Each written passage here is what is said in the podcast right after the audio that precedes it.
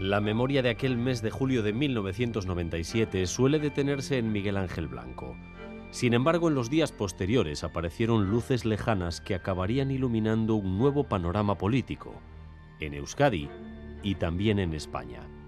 Pasamos de un país nucleado alrededor del pacto de Ajurianea, todos frente a ETA y HB, a otro ulsterizado, partido por la mitad, nacionalistas y no nacionalistas, el 51 contra el 49. Y en esa memoria aparece poco el sentimiento que predomina en Hermoa. El famoso espíritu quedó reducido a cenizas. El sentimiento que tenemos con el, entre comillas, espíritu de Hermoa, que lo malutilizaron para nosotros, porque se, se convirtió todo en política, en política, política, y no era política, era un dolor o sea, en el, pueblo lo sentíamos como un chico del pueblo, como uno más y tal. Y se eh, transformó todo en política, a ver quién se llevaba la tajada, a ver quién hablaba más del tema, a ver quién era más víctima. Al final parece como que, que, no quedó como un chico más del pueblo, era, era un político y en realidad pues era un chico del pueblo. También nos manipularon los, los políticos, vamos, quiero decirte que la gente salió sin más de corazón y con el sentimiento de lo que había en ese momento y creo que se aprovecharon todos un poco de la situación y tampoco es eso. ¿eh? El espíritu de Hermosi era, era general. Luego, todo un pueblo apoyando a una familia. Eso es. Luego las otras cosas, cada partido iba agarrándose a, foros, a asociaciones y a manos limpias y cosas de esas que politizado, vamos. En ese tránsito influyeron muchos elementos. Todos pusieron de su parte y nadie reconoce su responsabilidad. Tras la manifestación de Bilbao, el pacto de Ajurianea entró en coma. Esa fue su última convocatoria. Volvería a reunirse, pero ya sin resultados, hasta que quedó herido de muerte, en palabras de Garaycoechea, el 17 de marzo de 1998, ocho meses después de Hermoa. Euskadi vivía a la velocidad de la luz. En abril de 1996 el PNV votó sí a la investidura de Aznar. Al sí del PNV a la investidura del señor Aznar como presidente del gobierno, se celebrará este fin de semana. En julio de 1997 se produjo el asesinato de Miguel Ángel Blanco y 14 meses después, en septiembre de 1998, se firmó el pacto de Lizarra entre Abertzales y Esquerbatúa. Y les digo a los terroristas y a sus ayudantes, vamos a por vosotros, vamos a acabar con todo aquello que signifique terrorismo en España, Vamos a por vosotros. Y algunos no van a salir bien en esa fotografía. Pero desde luego quiero deciros que esos tienen que saber que antes que nacionalistas tienen la obligación de ser demócratas. ¿Cómo fue posible aquello? Un motivo estriba en quién debía liderar la respuesta a ETA. En medio de un crecimiento electoral exponencial y siendo diana de la crueldad de la organización, el PP reclamó el liderazgo, pero eso anulaba a las instituciones vascas y cambió también la percepción sobre las víctimas, de entierros semiclandestinos a ser protagonistas del discurso público. El mayor acto en este sentido se dio en la Plaza de Toros de las Ventas, en Madrid, un concierto de múltiples artistas por Miguel Ángel Blanco que supuso una quiebra. Fue, de hecho, la última aparición de la que había sido su pareja, y ante el público actuó el que era su grupo, Póker, cuyos miembros también dejaron de salir en público desde entonces.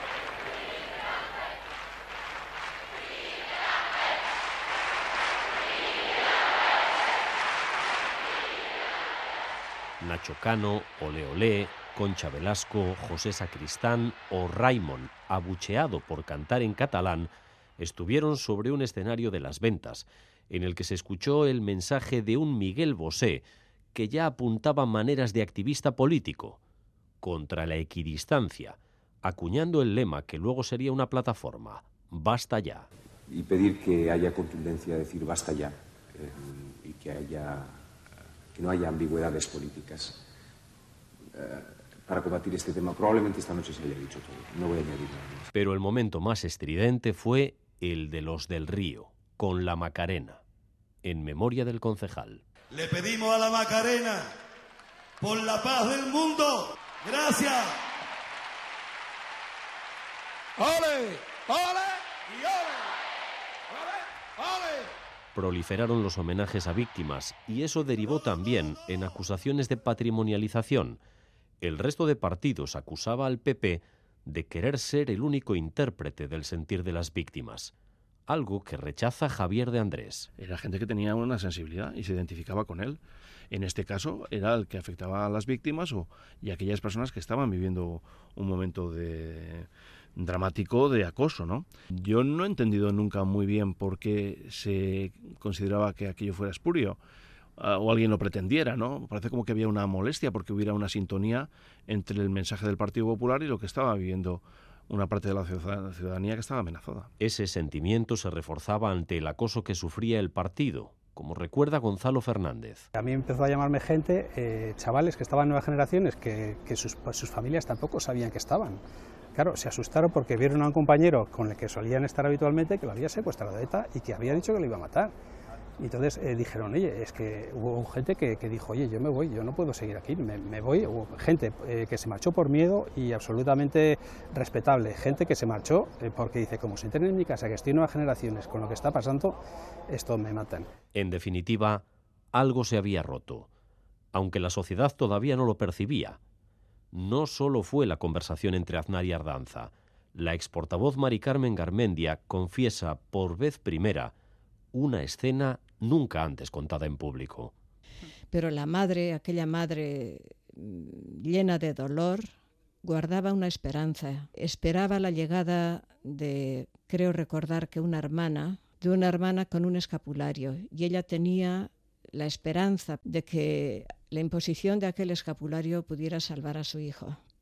Evidentemente, la llegada de los familiares gallegos tardó y antes un político muy, muy conocido, casi me cuesta decirlo, era ministro en el gobierno de Madrid. Iba a preguntar si se, mofó, el nombre. Sí, lo voy a decir. Álvarez Cascos. Se mofó, se mofó de esa esperanza eh, de la madre. El problema era que hubo políticos, y concretamente la persona que he mencionado, que tenían muchísima, y muchísimo interés en que las noticias llegaran a los informativos y un retraso en el anuncio del fallecimiento de Miguel Ángel no convenía a los intereses comunicativos de carácter político del PP. ¿Y dónde estaba el Partido Socialista? pues sumido en una grave crisis de liderazgo. El PSOE no estaba cómodo ni con el PP ni con los nacionalistas. Salen del gobierno de Ardanza y empiezan a aflorar las acusaciones de tibieza, como rememora Joaquín Almunia. Tenía que ver con las posiciones eh, eh, tibias o simplemente eh, ignorantes de lo que suponía el terrorismo en el mundo del nacionalismo Dentro del nacionalismo se empieza a fraguar la idea de intentar una vía dialogada para acabar con ETA. La exigencia de Aznar se le atragantaba al PNV y a Eusko Alkartasuna. Mayoreja nos decía, ustedes están en una encrucijada. Ustedes tienen que decirnos si están con ETA o están con nosotros. En ese plano. Nosotros decíamos, no estamos en ninguna encrucijada, nosotros estamos donde hemos estado siempre condenando la violencia, pero no haciendo lo que vosotros queráis que hagamos. Bueno, por ejemplo, estás esperando en un semáforo y una señora te empieza a insultar y el de al lado te empieza a insultar y bueno, ese tipo de cosas, ¿no?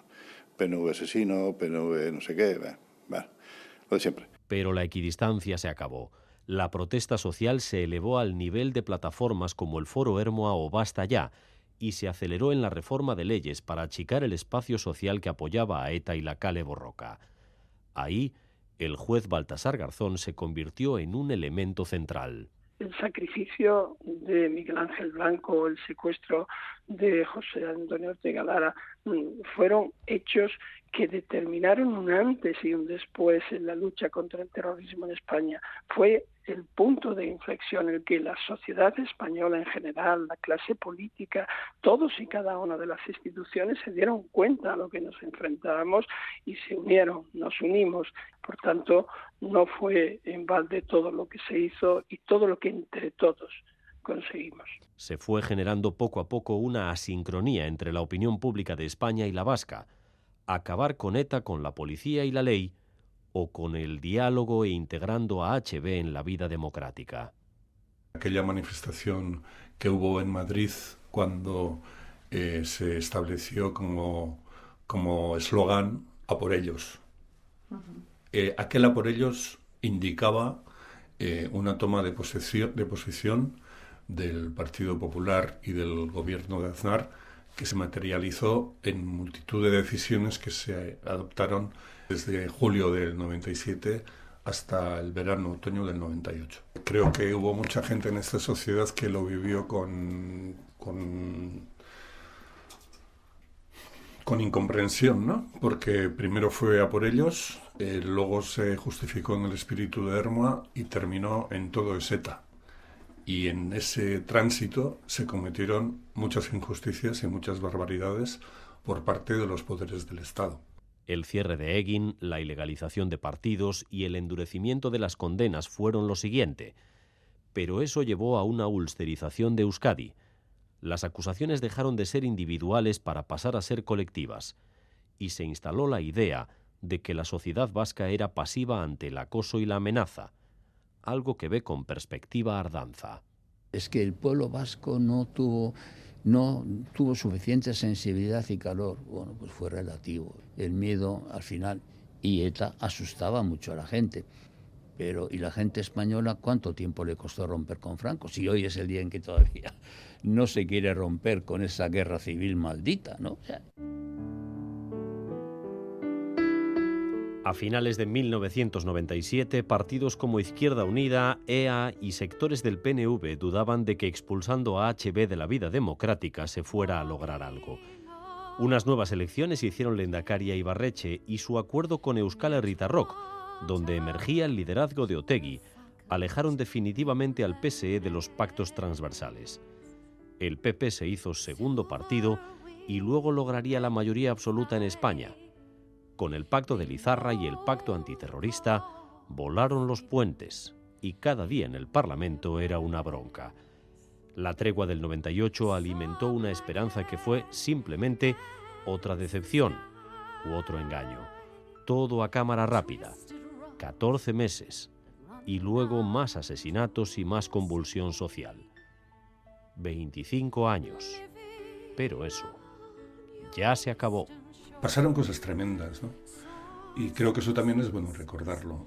¿Cómo es posible que como sociedad viviéramos en medio de tanta crueldad, ¿no?